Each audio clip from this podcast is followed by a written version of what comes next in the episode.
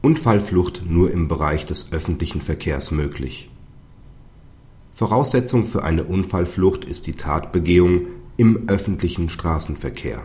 Für die Öffentlichkeit im Sinne des Verkehrsstrafrechts kommt es darauf an, ob der Bereich der Allgemeinheit zugänglich war, das heißt, ob er von einem zufälligen Personenkreis genutzt werden kann. Der Angeklagte rangierte morgens auf dem Hof eines Hauses. Der Hof wurde nur von den vier Mietern und deren Angehörigen genutzt. Er stieß gegen das Fahrzeug des Zeugen R., bei dem ein Sachschaden in Höhe von 1400 Euro entstand.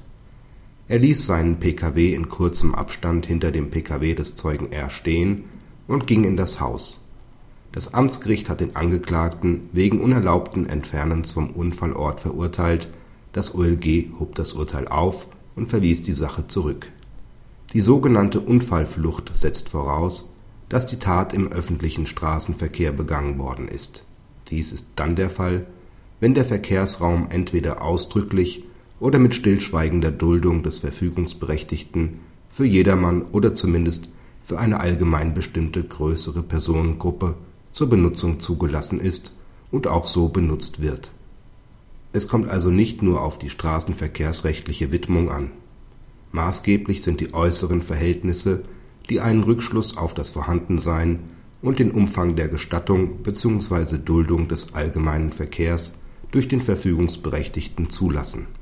Ob eine Parkerlaubnis bzw. ein Entgelt verlangt wird, ist ebenso wie die Eigentumsverhältnisse nicht maßgeblich. Dies gilt auch für die Benutzung privaten Geländes. Es kommt somit darauf an ob der Parkplatz im Hof des Hauses der Allgemeinheit zugänglich ist, das heißt, ob er von einem zufälligen Personenkreis genutzt werden kann. Nur wenn das zu bejahen ist, handelt es sich um öffentlichen Verkehrsraum. Da dies nach den tatrichterlichen Vorgaben des AG nicht zu beurteilen war, hat das OLG die Verurteilung aufgehoben und die Sache zurückverwiesen. Praxishinweis Die Frage, ob Unfallflucht vorliegt, hat nicht nur eine strafrechtliche Komponente. Auch die versicherungsrechtliche Rechtsprechung sieht in der Verwirklichung des Tatbestands der Unfallflucht im Sinne des § 142 StGB regelmäßig einen Verstoß gegen die Aufklärungsobliegenheit gegenüber dem Versicherer. Hieran ändert sich auch durch die Neuregelung der Obliegenheit im neuen VVG nichts